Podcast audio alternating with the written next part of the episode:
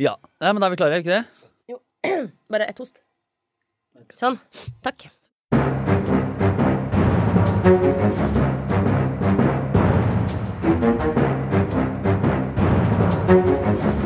Sånn, da er vi i gang med denne ukens eh, Aftenpodden. Eh, god torsdag eh, formiddag, får vi si, her vi sitter og spiller inn. God dag, god dag, Sara Sørheim. Hei.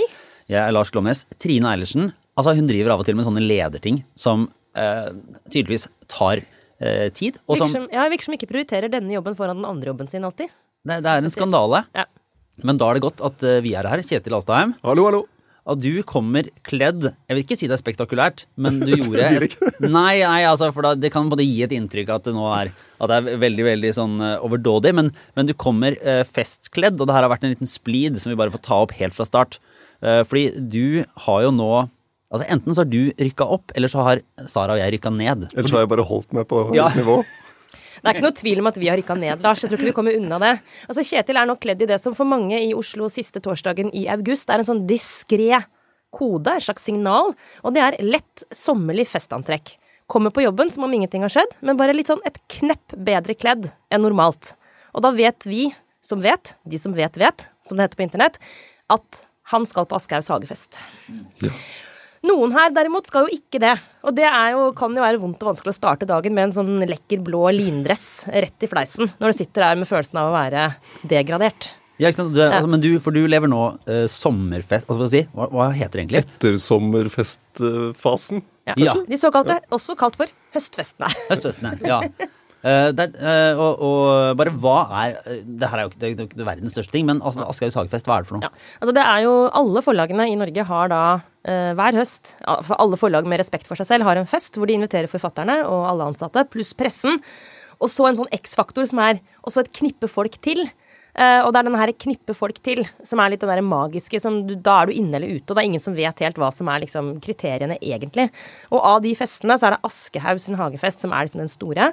Og den foregår i en villa i Drammensveien i Oslo, som er dødsfin. Det er nesten, nesten et slott. Altså, I norsk sammenheng er det et slott, får vi si. Veldig pent. Også stor hage og mye vin. Og egentlig så er det jo bare å stå tett sammen i en hage og drikke vin fra plastglass.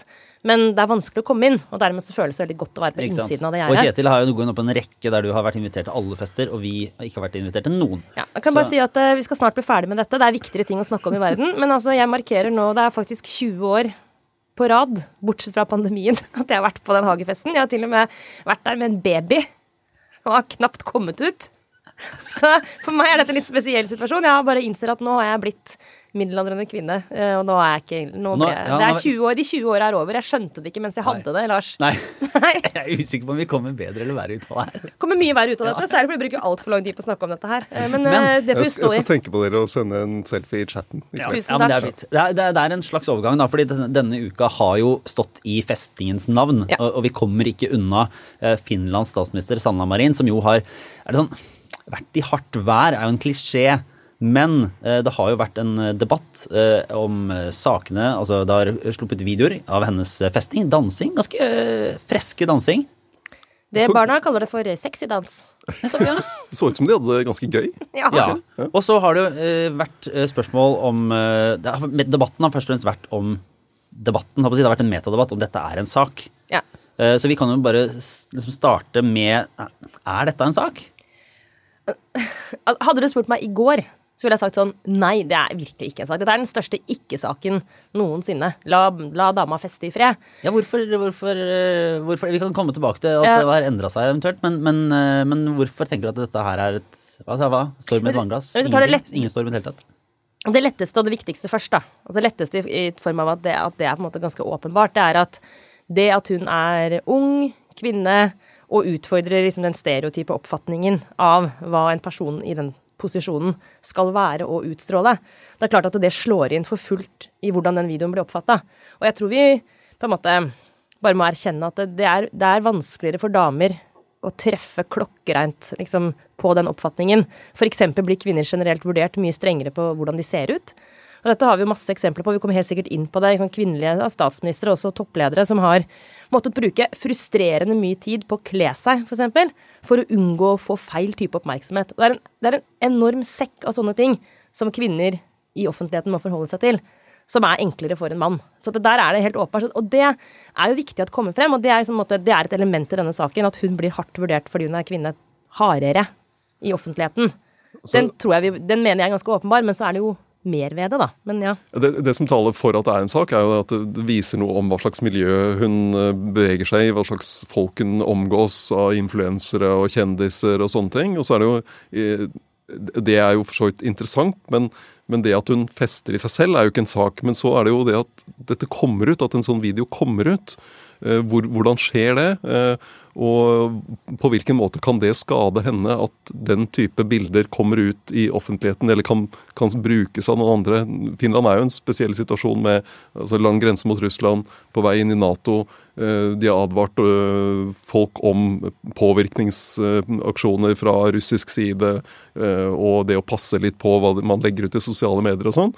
Så i den diskusjonen er jo dette en sak. Men er ikke, er ikke det litt sånn klassisk presseargument, da, som man kan være litt sånn man flytter det til litt sånn overordna hypotetisk nivå. Der liksom dette kan brukes, dette kan være farlig fordi liksom utpressing. Det kan Som jo er sånn Ja, det, i teorien kan det jo det, men det er jo ikke et reelt problem ennå? Nei, men jeg tror det er eh, Og det er derav det jeg sa innledningsvis med at jeg kanskje endret litt grann syn på denne saken siste døgnet. fordi at eh, jeg tror for finske journalister og i, i, finsk media så er nok oppfatningen litt mer nyansert enn det den norske debatten har vært. da.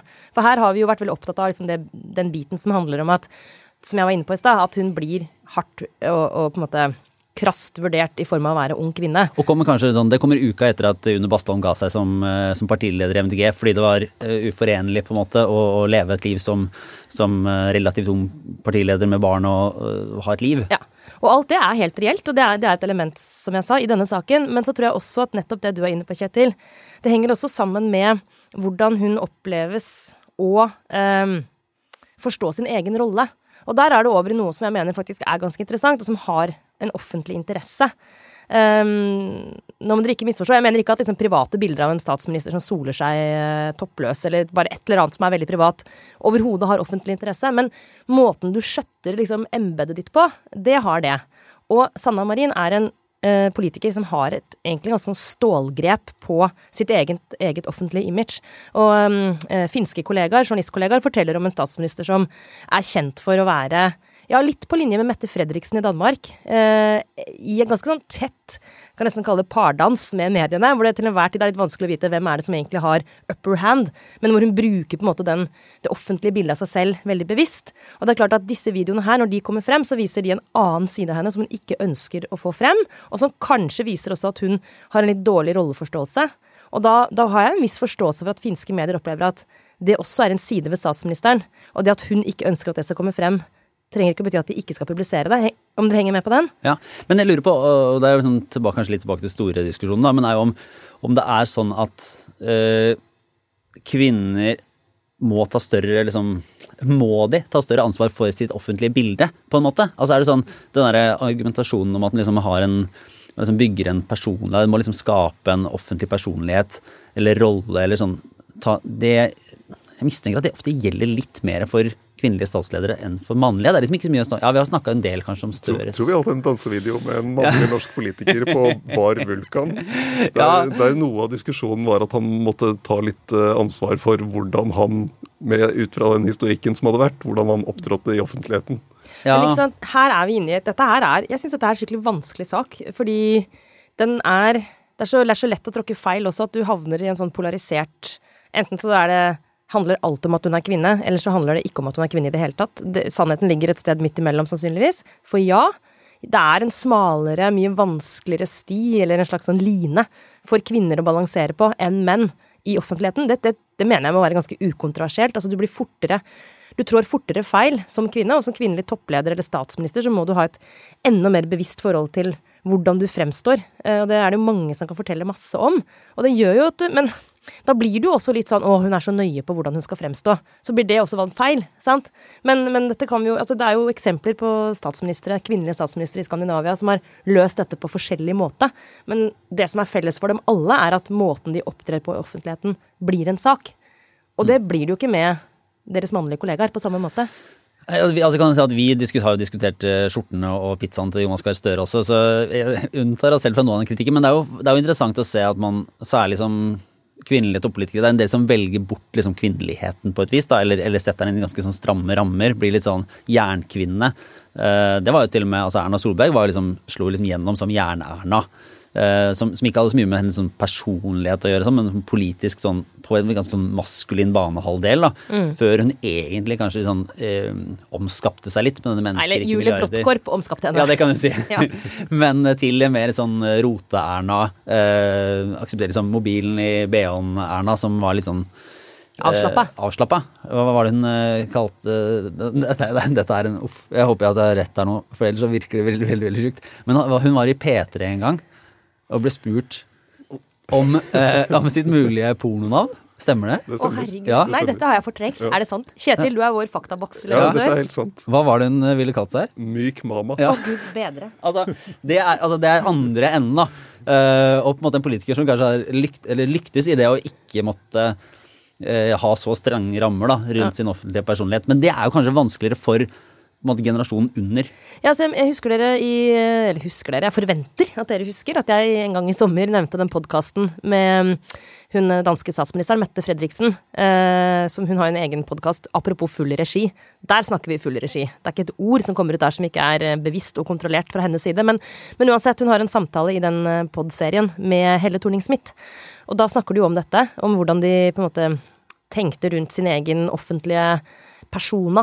Og de har valgt veldig forskjellig. Det er veldig interessant. Hele Thorning-Smith hadde jo et veldig sånn klassisk feminint utseende, og fikk jo da den derre Gucci-Helle-merkelappen også. Og det prega jo hennes tid som statsminister i Danmark. så hun kom seg aldri helt unna det imaget. Eh, mens Mette Fredriksen har valgt da liksom helt annerledes og er sånn veldig stram, litt sånn Gro Harlem Brundtland-aktig i utseendet sitt, og har liksom alltid samme hårsveis, f.eks., og har jo ikke havna i den situasjonen hvor hun får det utseendegreiene hele tida. Men det er bare morsomt. Uh, Mette Fredriksen, uh, lite Google-søk. Hun har jo også en fortid. Så hun har måte, altså, ja, hun har jo både blitt voksen og konstruert, men det er, et, det er morsomt å se, for nå er hun veldig sånn stram sveis, uh, stram drakt. tidligere, Det er noen bilder fra hennes liksom, tidlige politiske karriere ja. der hun er et sånn altså et offer for det tidlige 2000-tall, vil jeg si. Det ser ut som et lykketroll. Ser ut som en sånn bustehue. Og ja. til nesten forveksling likt eh, altså Torbjørn Røe Isaksens eh, sveis som, eh, som unge Høyre-leder. Men apropos det, nå skal jeg bare som en disclaimer si at uh, Torbjørn er en god venn av meg, men dette her er jo ikke på sak, dette er bare på person, så derfor kan jeg si det. Altså, han er jo et eksempel på en uh, profilert politiker som jeg tror nesten kun hadde en fordel av at han så annerledes ut enn mange av sine, sine partikamerater. Altså, han så jo rufsete ut og var liksom kjent for å være buttons. Han høyre mann med buttons og fillete olabukser, liksom. Og eh, det tror jeg ingen tenkte at var et problem for hans autoritet. Mette Fredriksen derimot måtte helt åpenbart legge bort lykketrollfremtoningen og bli stram med eh, oppsatt hår. Eh, det er jo interessant, det. Men, men, hvis jeg kan gå litt tilbake til det vi var innom i stad, med, med altså hvor, hvorfor kommer den videoen ut og sånne ting, så syns jeg Fredrik Solvang hadde en ganske god runde i debatten på, på tirsdag, der, der vi problematiserte det hvordan skal mediene forholde seg den, til den type medier, eh, den type videoer. Vi hadde jo også den videoen med uh, denne UD-ansatte, norske UD-ansatte som skjelte ut uh, noen ansatte på et hotell i Murmansk. Hva er det som har skjedd her? Hvordan, hvorfor spres den? Hvilke interesser er det som står bak? Som er ekstremt viktig for mediene å, å gå dit da, og passe på at vi, vi sjekker den. Og så er det, jo, det er jo noen av de debattene som blir litt sånn Eh, det er jo så mange debatter i den der uh, Sanna Marin-saken. Et av poengene har jo vært at uh, når hun fester sånn, hvordan kan hun være beredskap til å liksom, styre landet hvis det blir en krisesituasjon? Og så var det en kommentator i, i, det som er da Finnes NRK, Yle, som uh, minnet om en historie fra 1994. da det var statsminister Escoao. Og han hadde vært på fest for å feire 50-årsdagen til finansministeren. Og han var altså så påseilet at han slet med å få opp porten til statsministerboligen da han kom hjem. Jeg kan relate. Og så sank Estonia. Ja. Og noen, et par timer senere så satt begge de to uh, i krisestab. Uh, og, og, så er det jo Du kan jo ikke ha et sånn at landet er avhengig av at uh, statsministeren skal være liksom ikke skal ha tatt et glass eller to. Du må ha en kriseberedskap i et land som håndterer den situasjonen uavhengig av akkurat det. Men, men det Ja. Men han var også den gangen eh, tidenes yngste finske statsminister. Han var 36 Mm. da han fikk rollen. Eh, Sanna Marin var 34, så hun slo han på det. Men eh, nå var jeg jo ikke helt voksen i 1994, så passer meg litt. Men jeg kan i hvert fall ikke huske at det ble en diskusjon rundt hans evne til å skjøtte sitt embete, selv om han var eh, sannsynligvis drita full en kveld etter å ha vært på fest. Det er jo interessant. Eh, nå var det ikke kanskje en eh, Nå fantes ikke TikTok, takk Gud, den gangen. Sånn at det var ikke like eksplisitte bilder av han. Men det er likevel en interessant parallell. At det, det ble ikke heftende er, ved det er jo altså det er jo, men det er litt sånn der, hva som er privatliv og hva som er embete. Det kommer jo virkelig sånn i møte i den altså statsministerboligen. Det er jo sånn, det er et sted du bor, der du må bo av sikkerhetshensyn, av andre ting, av liksom praktiske ting, fordi du har den jobben. Samtidig som du skal kunne ha en eller annen form for privatliv. Og nå har ikke jeg noen sånne utrolige historier om utagerende festing og si, toppløsbilder og eh, Norway, altså, men, men jeg vet at det har jo vært selskaper i statsministerboligen de siste 15 åra også. Um, der helt sikkert kunne vært på en måte vid, nå, Dette har jeg ikke noe grunnlag for, men det kunne fort vært en eller annen video av noen som ralla rundt der også. Men det har jo i utgangspunktet vært en, en policy i norske medier om at på en måte type andre som er på besøk i statsministerboligen det er ikke, altså Man jakter liksom ikke så veldig skandaler på, på det som skjer i den private delen av statsministerboligen.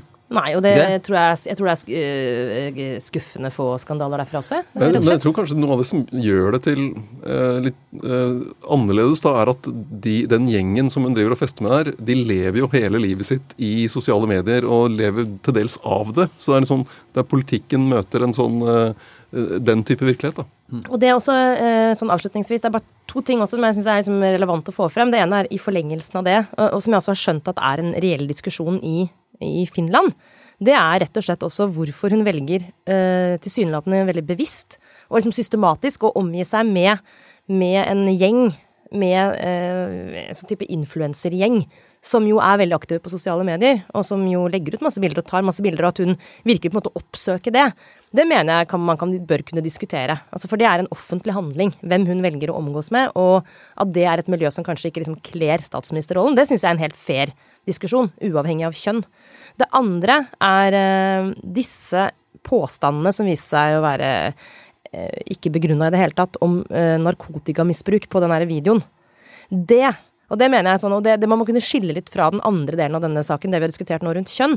Det at de påstandene ble videreformidla og publisert, ikke bare i finske, men liksom i, medier verden over, at det, det skal visstnok være mistanke om osv. De påstandene de er overhodet ikke begrunna, og eh, mye tyder på, det har jo Aftenposten skrevet om i dag også, at de rett og slett bevisst kan ha blitt planta.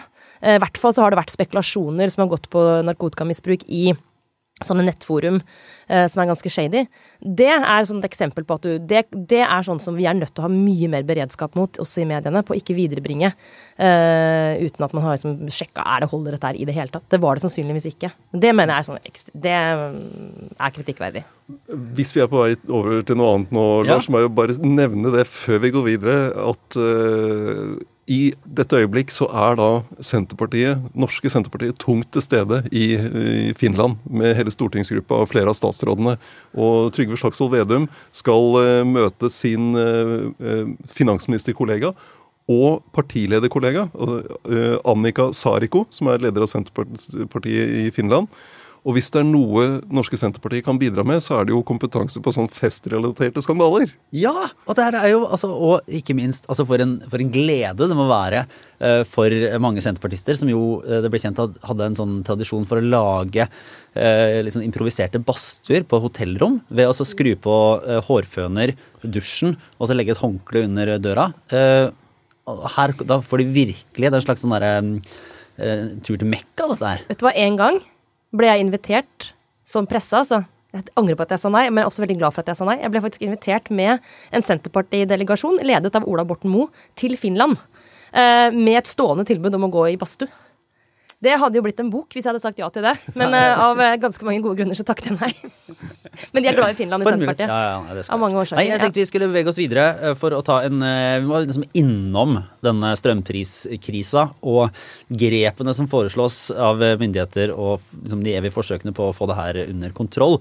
Og der har Jonas Gahr Støre han si, han, han, har, han vet ikke om han har gått på, eller om han bare ser et lite skjær i sjøen for det som har vært hans mulige ventil. Ja, for Et av de tiltakene de har vært ute og sagt at dette kommer, er eh, et, et, et eller annet eh, tiltak for å, der myndighetene kan gripe inn hvis liksom, fyllingsgraden er på vei mot et kritisk lavt nivå, og at de da skal gripe inn mot eksporten av kraft. Skal de liksom lage regn? Er det det de skal Nei, de skal, de skal regulere eksporten. Og det har Jonas Gahr Støre gått veldig langt i å si at dette kommer.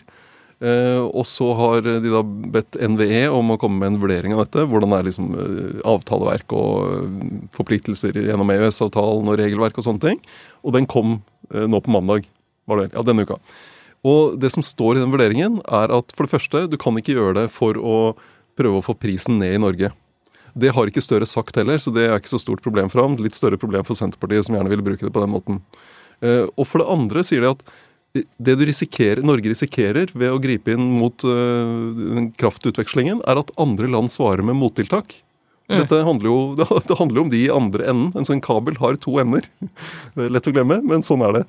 Og hvis andre land sier ok, hvis dere gjør det, så vil vi holde igjen. Så kan Norges forsyningssikkerhet bli dårligere. Fordi vi da ikke får importere når vi trenger den kraften fra Tyskland eller Storbritannia eller hvor det er. Men hvis, hvis, hvis utgangspunktet for dette ikke var at prisene skulle bli lavere i Norge, bare hjelp meg med å forstå Det det. er å sikre at det ikke det, eh, det blir blackout. At du har nok strøm i systemet. Så Unngå rasjonering. så Og utgangspunktet for Støres forslag er egentlig beredskap, men resultatet av det Utgangspunktet er forsyningssikkerhet. Altså vi sikre at vi har strøm, sånn at vi kan eh, lade telefonen og, Og så har han jo, han har, så har han jo brukt dette som et sånt eh, som- Som han har vært veldig, ganske konkret på det, og tydelig på at dette er en, på en, en slags løsning, eller dette er noe som er på trappene, og som, som Ja, og Trygve Slagsvold Vedum har sagt at nå, nå tar regjeringen tilbake nasjonal kontroll. Og så Ja. kommer NVE og sier ja, ok, men det kan tenkes at da er det noen andre som også tar tilbake nasjonal kontroll, og så kommer vi dårligere ut. Og Det er jo også i, i et sånt moment hvor, jeg, hvor også det har kommet liksom reaksjoner fra våre naboland og allierte også på liksom sånn Vent nå litt. Er vi ikke, står vi ikke, er vi ikke samme båt her? Har dere tenkt å begynne å liksom, eh, Har dere tenkt å rett og slett stenge grensene? Tenkt, altså, det, hele, den der, hele det der fellesskapet som, som kan slå sprekker, da. Ja. Som jo også kan tenkes å kunne få andre konsekvenser også apropos beredskap. Altså et eller annet med sånn ehm, man forventer jo, Erna Solberg var inne på det i partilederdebatten, man forventer en form for solidaritet blant sine allierte eller eh, naboland, eh, som kommer til uttrykk på helt andre områder òg, f.eks. når det gjelder vaksiner. sant? Og hvor Norge selvfølgelig ikke hadde fått de vaksinene vi fikk, hadde ikke vært for at vi at EU landene var velvillig innstilt. Så er det dette at du, du risikerer på en måte å pirke borti et sånt ganske sånn grunnleggende fundament for hva vi kan forvente å få tilbake. Mm, det er det du gjør. ja. Så da, da hadde du de, det som tilsvarer Statnett i, i Sverige, Danmark, Finland, kom med sånn e- eget brev til Norge og advarte mot å gripe inn på den måten. Eh, De utspillene fra Støre er jo blitt plukket opp i Financial Times og podkasten til The Spectator, Coffee House Shots, satt og snakket om Norge her. Fantastisk, da. Eh, Det er Fordi det skaper stort, jo uro rundt omkring i, i andre Ja, nettopp. Setter Norge på kartet! Ja, ja. Eh, Norge, Norge på kartet er det, denne saken her, og så er det Freia. Eh, Ja, ja. denne, Omdømmemessig katastrofe. Ja. Ja. Så den, eh, der har de fått en, eh, en liten, så, et et lite problem. Men hvordan kan det løses? Eh, spørsmål, altså, De har jo ikke lagd utformet hvordan det, det eh, mulige verktøyet skal være. Sånn at eh, de kan jo si at de skal jobbe videre med det. og, og så videre. Det er ikke noe de har sett for seg at de skal bruke nå i høst, men det kan kunne bli aktuelt til våren når de ser på snøsmelting og sånne ting. Så det kan tenkes at de greier å skyve det litt foran seg. Men det er litt sånn, nå ser du også den sprekket i laget. ikke sant? Du har Støre som sa eh, vi skal ikke være det landet som, som kutter eh, solidariteten og Ja, han var litt sånn Det vil ikke jeg være statsminister i det landet. Og så Ja. har du Marit Arnstad, som kommer etter Senterpartiets parlamentariske leder, kommer etter den NVE-rapporten og sier ok, vi kan ikke gjøre det for å øh, få ned strømprisen, men da finner vi bare på en annen begrunnelse, og dessuten er det dumt at vi er koblet opp mot EU. Så det er liksom fullstendig i hver sin retning. Og så er jo ulempen for Jonas Gahr Støre i dette er også at dette er liksom, det har vært et, et på en måte et, fram til nå relativt uproblematisk svar som har kunnet gitt litt sånn eh, signaler om, om eh, styrke og at vi liksom tar grep. Og så, ja, så det er jo retorisk også litt sånn vanskeligere eh, framover å, å stå på at dette mm, Men dette er liksom veien vår videre. Er, sånn, ah, det er ikke sikkert det er så lett. Og så er det en ny sånn skvis, da. Men også et sånn, kanskje siste poeng der, men det må jeg bare genuint si, det er at i denne diskurs, altså den strømdebatten, så syns jeg det er helt umulig å gjøre seg opp sin egen mening. Altså, jeg forstår det ikke. Jeg kan ikke være alene om det. Altså, jeg forstår ikke hvordan dette markedet fungerer. Så at jeg liksom bare overlatt her hjemme i sofaen til å liksom bare høre på ulike politikeres eh, virkelighetsoppfatning, og den er så sprikende. Så den ene personen, altså Kirsti Bergstø, sier en ting, og Jonas Gahr Støre sier en motsatt ting.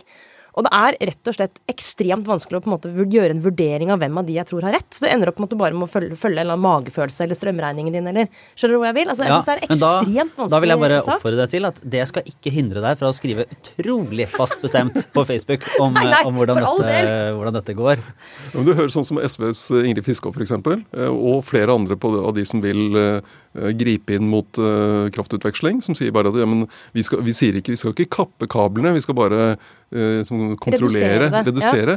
Ja. men det er noen i andre enden. Dette er ikke våre kabler, det er noen kabler vi eier sammen med andre land. Hvis vi gjør noe, så kan de gjøre noe. Hva er effekten av det? Hvis effekten av det blir dårligere forsyningssikkerhet, da er det ikke lurt!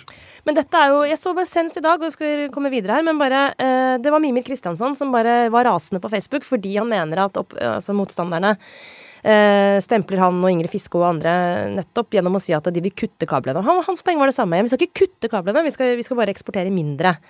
Og så er han, mener han at dette her misforstås med vilje fra andre siden, sant? som fremstiller, fremstiller på en måte dem som de er helt isjo... isjo det ordet klarer jeg ikke å si. Isolasjonistiske. Takk, det var nesten. Det var nesten Det var bedre det jeg det var ikke sånn her heller. Men uansett, da nok en gang er vi tilbake til bare slå hverandre i hodet med og si at du sa at det var det jeg sa, men det var ikke det jeg sa. Det gjør ikke meg ett sekund klokere. Eh, Jeg forstår faktisk ikke hva det er de har tenkt. Jeg forstår ikke det forslaget. Altså, fordi jeg skjønner ikke hvordan det går an å gjøre bare litt. Men det, så det, dette her eh, kommer til å bli en krevende sak. Hvis ikke det viser seg at det løste seg av seg selv, da. Men det er kanskje litt Så kommer masse regn og blåser masse og så videre. Eller, eller hvis det kommer, og det her vi går videre vi, til en runde med obligatorisk refleksjon. eh, fordi jeg har en som er strømrelatert, og riktignok ganske eh, perifert. perifert.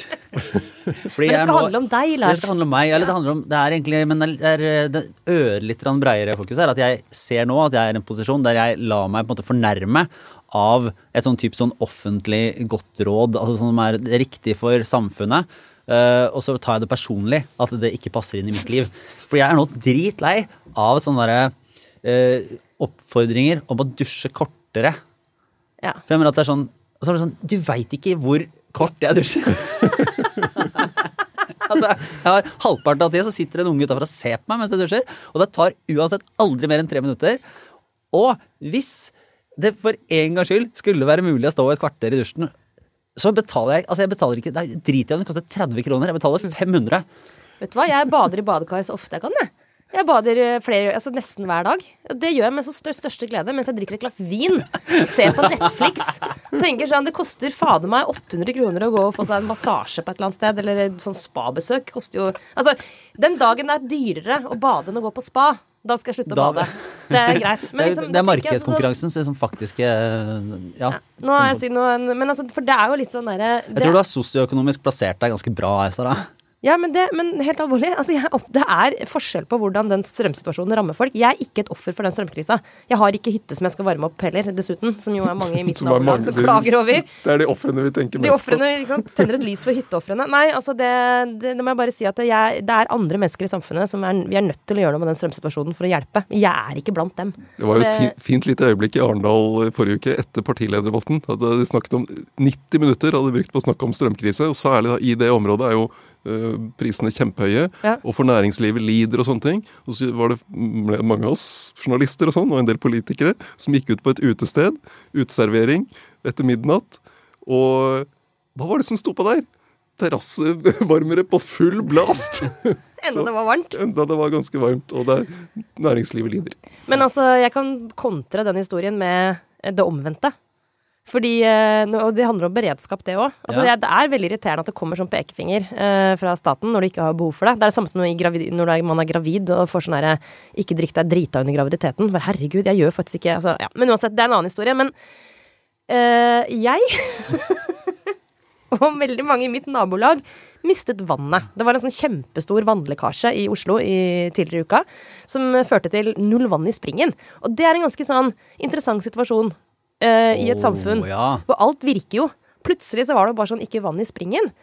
Og da kom det jo på en måte inn Men et dette skulle ikke vært noe problem. Nei. Noen av oss løp desperat ut på den nærmeste Rema-butikken for å kjøpe vann, og han der kjøpmannen var helt fortvilt og var sånn Jeg driver ikke Rema 1000 i Gudbrandsdalen. Vi har ikke sånne vannkanner. Altså, dette er midt i Oslo. De hadde sånn Imsdal-flasker. Og det var 18 Imsdal-flasker igjen. Og jeg kjøpte tre, og så kom det en nabo og kjøpte resten. Så det var sånn også litt sånn derre ja. Men Sara, har du ikke fått med deg de rådene fra Direktoratet for For sto, beredskap og sånn? de som sto i gata og glåta, altså de folka som de der naboene som var sånn Vil du ha et knekkebrød? De har jo da Altså her var det bare total klassedeling mellom de som da har fulgt eh, beredskapsrådet, som man til og med er pålagt å gjøre, om å ha 30 liter vann, 100 000 knekkebrød, eh, lappesaker og stormkjøkken på loftet. Hermetiske ting og Ja. Så det, det her var bare Så nå har jeg fylt opp vann. Du har det, ja? Eller jeg har ikke gjort det, jeg satt i Imsdalsflaskene jeg kjøpte opp på loftet. Men altså, jeg har i hvert fall gjort det, da. Ja. Eh, men det er ganske tynn. Altså, alt det vi snakker om, sirkler egentlig også rundt at det, det er ikke så veldig mye som skal til før en god del av de tingene som vi tar for gitt, rakner. Sant? sivilisasjonen er et tynt ferniss. Den er tynn, ass. Oi. Skremmende Skummelt. tynn. Ja. Nei, det, var, det, det var noe så. Åssen er det med deg, Kjetil? Jo, nei, nå er jo ikke Trine her, så da kan vi snakke om drager og lage oi. fantasy-hjørne. For en, for en drøm. Ja. Ja, eh, det, det er jo eh, altså en ny sånn Game of Thrones eh, prequel-serie som er kommet, som jeg gleder meg masse til å Ja, begynne å se på. Ja, og så er det, skal det komme en serie på um, Amazon om, det er, som bygger på det Tolkien-universet, altså Ringenes herre-universet, som også er sånn historien før-type. Og der er det nå en debatt i gang uh, om castingen til den serien. Ja. Fordi eh, de har jo fått inn folk med forskjellig eh, melanininnhold i huden. Og noen blir, er veldig opprørt over dette. Og det har skapt stor debatt. En kronikk som uh, forteller om det i Aftenposten, som vi kan lenke til i nyhetsbrevet. Uh, som også er en diskusjon om var tolken rasist, og det var han ikke. Han var veldig mot uh, Ja, den slags. ikke sant? Eh, og så tenker jeg altså, Jeg har et nært forhold til 'Ringenes herre'. Jeg husker godt den sommeren jeg satt og leste 'Ringenes herre' og liksom slukte den der tjukke engelskpocketen. Jeg husker musikken jeg hørte på da jeg leste den. Eh, så jeg liker boka. Jeg leste, jeg likte Hobbiten, selvfølgelig, og filmene til Peter Jackson. Eh, og så, altså Hvis du liker 'Ringenes herre'-universet, da aksepterer du at det finnes hobbiter. Noen små mennesker med hår på, på føttene. Du aksepterer at det fins alver som er udødelige. Og veldig, veldig vakre. Ja, og Ja. veldig, veldig vakre og spisse ører. Og troll. Og trollmenn som kan trylle ting. Og dverger, hvis det er lov å si. Og, ja, og, Ja. og dverger er da ikke bare sånn som det heter eh, kortvokste som, som, De er en egen, egen gjeng, egen sort. Eh, og drager. Eh, og du aksepterer at du kan redde verden ved å slenge en ring oppi en vulkan. Ja. Og så er det sånn at hvis noen har liksom feil hudfarge, så rakner hele det universet for deg. Hvis du er der, så tenker jeg pust med magen, og så les anmeldelsen når den serien kommer. Og hvis det virker bra, så ta en titt. Hvis ikke, bare la det være. Ja, men eh, Apropos ikke-saker, jeg er helt enig med deg. Altså, den der diskusjonen rundt eh, hvordan en riktig casting ville vært, og hva ville tolken egentlig ment om det og sånn, det er altså helt, det er altså så irrelevant at det er helt eh, Det, det fins ikke et mer sånn mangfoldig wokete univers enn akkurat det universet der. Og det er liksom om du woker det litt opp eller ned, så er det liksom Det, er, det har ikke så veldig stort utslag. Er historien godt fortalt, eller er den ikke godt fortalt? Det er det det handler om. Men uh, da, siden Trine ikke er her, kan jeg bare si at det, vi har aldri hatt Verden har aldri trengt fantasy-litteratur mer enn akkurat nå. Vil jeg, bare, vil jeg bare si. Det er det vi må lulle oss inn i mens alt går til helvete. Men det er, klasse, det er klasseskille i Tolkien-universet, da. Er, var det så inne at du leste da Silmarillion? Nei. Ja. Nei, ikke jeg heller. Herregud, jeg har gjort det. Jeg har, jeg har gjort det. Og eh, ja, dette skal ikke, jeg skal ikke begynne å snakke om det. Men eh, de som vet, vet. Åh, på toppen. Eh, men eh, Sara, har du også en liten obligatorisk refleksjon før vi går inn i eh, helgen? Eh, Jeg liker godt at vår helg starter på torsdag, Lars. Ja, men folk eh, hører jo litt sånn eh, Det gjør jo det i Norge. Det er, det er, det er jo sånn. hagefest i dag! Det blir ikke mye jobbing i morgen. Nei, jeg skal bare, vet du hva? Nå skal jeg faktisk eh, bare eh, runde av med å sende en liten sånn takk og en anbefaling. Og det, er- det er til Raimond Johansen. Men Det har ingenting med hans håndtering av koronakrisen å gjøre. Eh, bare kun indirekte. Men han har jo skrevet en bok, han også. Det er tydeligvis en sånn er trang. Starten på den politiske bokhøsten, er det? ja, eh, om, eh, som heter 'Gjennom krisa'. Handler om hvordan han håndterte, han håndterte eh, koronasituasjonen i Oslo. Det som er interessant med den boka, er jo at eh, det var jo ganske tydelige konflikter. Sånn by- og land-konflikter. Men da, før Mm. du går inn her, bare ha en kjapp liten runde på sånn. Eh, altså, Raymond Hansen kommer med bok. Bent Høie kommer med en bok. Uh, Espen Nakstad har kommet med en bok. Camilla Stoltenberg har kommet med en bok. Ja. Er det noen flere? Jeg syns alle de som har hatt korona, skal skrive en bok. om Ja, sånn, er, det, er dette historisk viktig dokumentasjon, eller er det eh, en slags sånn derre kommersialisering eller kapitalisering på på noens eh, Altså nå snakker jeg litt sånn 15 minutes of fame. Altså, Jeg har i hvert fall fått litt sånn fatigue på de bøkene. Men uh, hvis de bare kan skrive dem, og så kan de gå rett til dette biblioteket oppe i Mo i Rana Så at uh, når- folk skal snakke om dette her om 50 eller 100 år, Ja, så kan de ta Ja. Men vi må, kan vi slippe å lese dem sjøl? Dette er vår litterære long covid, kan vi si det Ja. sånn? Men det er nå så. Eh, Ramin Johansen, Av, av, av alle de bøkene, så er faktisk den er jeg litt interessert i, for å få se litt på på den Jeg syns den konflikten som var mellom Oslo eller by og land-aktige konflikten den gangen var ganske interessant. Eh, Også de gnisningene mellom Oslo og regjeringen på vaksinefordeling osv. Men, men det var ikke poenget nå. Poenget var at um, i et av lanseringsintervjuene som Raymond Johansen har gitt i forbindelse med boka, så snakker han med VG. Og der snakker han om eh, en episode i hans liv hvor han ble alvorlig syk, og hvor han utviklet eh, angst. Og ganske sterk sånn panikkangst. Uh, og det forteller han veldig åpent, og virker sånn, på en måte forteller åpent om det uten at det er noe sånn big issue. Men det som er så fint, er at han også forteller om hvordan han ble bedre, og hvordan han på en måte lærte seg teknikker for å, for å takle angst. Og det eh, skal han ha honnør for, fordi, og det kan jeg svare på sjøl, jeg har hatt masse problemer med angst opp gjennom livet mitt, eh, uten at jeg skjønte hva det var i veldig mange år. Og det er hemmende eh, for veldig mange. Altså, det er utrolig mange mennesker som har en eller annen form for angst. Og det er vanskelig å forstå at det er det du har. Eh, så det er punkt én. Det er litt sånn, Først må du forstå at Og så er det vanskelig å skjønne hva man skal gjøre for å få hjelp, og også fordi at det er veldig skambelagt for mange. Ikke sant? Det er mange sånn type Hvis du har sosial angst, f.eks. Akkurat det har ikke jeg. Men hvis du har det, så er det jo Det er flaut, ikke sant. Og det er vanskelig å snakke om. Og det han gjør, er at han snakker åpent om det. Punkt én, veldig viktig. Kanskje flere forstår at vent da, kanskje det er det jeg har.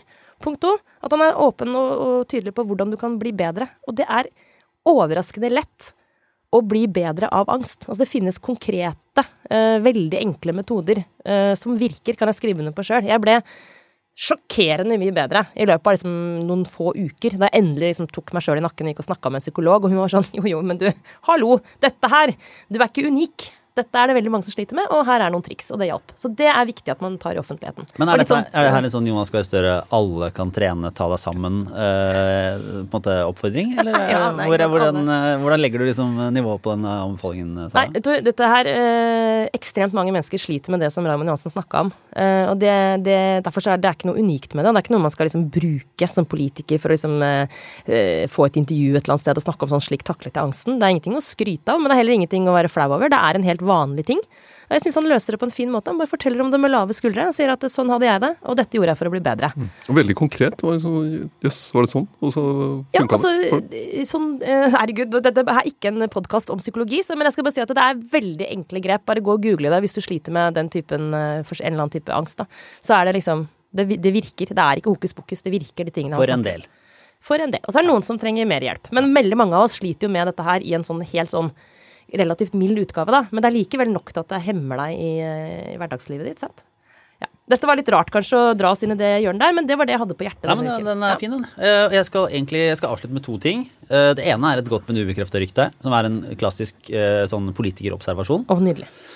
Som, som bare var her en dag der jeg skulle hente i barnehagen. Så kom det syklende en mann oppover veien, kryssende, i, uten sykkelhjelm og uten eh, Det var ikke Heikki Holmås. Ikke. Ikke Heikki Holmås, det er helt, helt sant. Eh, Og uten klær på overkroppen. Eh, Det var Rødt-leder Bjørnar Moxnes. En solfylt dag. Ingen skam. Bare en, en litt sånn et, en Friheten i, et, i, i norske samfunnet. Her Det var ikke engang på et statsministerens private bolig. Men Sykle i baris? Ja, syns vi det er Er det rolleforståelse? Er det greit? Er det for, er det for eh, intim uh, ja, han, påtrengende? han leder jo et revolusjonært parti. Det, er, jo- det å sykle i baris er jo, det er jo kanskje første skritt, da. Altså, jeg vil bare si at eh, jeg kommer ikke til å sykle i baris, men jeg skal til den dagen jeg dør forsvare Bjørnar Moxnes rett til å gjøre det. Det må vi tåle. Ja, ja, ja, det vil jeg absolutt, absolutt støtte. Eh, Retten til å sykle uten sykkelhjelm er også, Det er også en inkludert. personlig frihet. Det er et valg man tar selv, på linje med å bade hver dag. Altså, jeg vet at det ikke er så smart, men det er det opp Men man kan gjøre det. Ja. ja. ellers så vil jeg bare si at eh, for de av dere eh, gode lyttere som, eh, som har benyttet dere av eh, dette introduksjonstilbudet til Podme via Aftenposten-abonnementet, så er det fra 1.9. sånn at dere må eh, enten kjøpe et oppgradert Skipsted-abonnement, enten du er abonnent på Aftenposten eller noen av de andre avisene der. Da får du Podme også for en billigere penge. Eh, eller så kan man selvfølgelig bli Podme-kjøper eh, og bruker sånn eh, separat. Men hvis man har hatt den perioden, så må man altså liksom aktivt koble seg med videre. Men, men man kan, hvis man ikke vil det, men er Aftenposten-abonnent, så kan man fortsatt høre på, Aftenpost, på Aftenpodden og andre podkaster i Aftenposten-appen eller på aftenpost.ap.no. Det går helt, helt fint. Det er absolutt mulig. Uh, så, men uh, for å aktivere da, videre bruk, så kan man gå til ap.no slash podme uh, for, for, å få mer. Så det er bare litt brukerinfo. Og der ligger det jo en episode, eller det er en ny serie på Podme med mm, Harald Eia og Nils Brenna. Den derre Big Five. Ja. Uh, og den, uh, delen er en av mine favoritter. Uh, jeg kommer neste uke, kan jeg bare nå trigger-warning, til å snakke Oi. veldig mye om Karpe. Nei, jeg skal ikke dit. Jeg kommer til å snakke mye om Karpe, for jeg, på, jeg, har vært på en av konsertene, og jeg skal på den siste på lørdag. Gleder meg som en unge. Uh, virkelig helt Du må sånn. gå to ganger. Jeg trodde det var nok folk i 40- og 50-åra som gikk på de konsertene. Vi som, leste, vi som har lest Silmarillion, vi går også minst to ganger. Altså, det er noe med å være grundig når du først liker noe, Kjetil. Ikke bare ha sånn harelabb-tilnærming som du har. um, og i den forbindelse så har jeg en anbefaling, og det er å høre på til dere som er Podme-abonnenter. Den eh, episoden av Big Five med Chirag i Karpe, den er kul. Ja, Den er kul, anbefaler jeg, og det er morsomt å høre på før konserten. Så uh, bra. Nei, men uh, Med det så tror jeg vi takker for oss for uh, denne uka. vi er tilbake neste uke. For Kanskje vi skal ta med Trine òg, eller? Neste da tar vi med Trine. Jeg er jo jeg er på en måte på en ferie som jeg kommer til å avbryte for å være med i podkasten. så det er jo en stolt tradisjon som kan, kan opprettholdes der. Men takk for denne uka. Det var Aftenpodden. Ha det bra. Overgangen. En ny serie i tre episoder fra Fortalt. En familie på fire dro på ferie til Danmark. Men da de skulle krysse en jernbaneovergang, ble livet snudd opp ned. Har du en pappa? Det har ikke jeg. Men det denne historien handler om, er tida etterpå. Dette er en serie om å lære seg å overleve for de to som er igjen. En fascinerende historie om hvordan sorg kan slå ut på helt ulike måter. Jeg skal leve i kanskje 50 år til. Hvordan skal jeg håndtere 50 år med det her?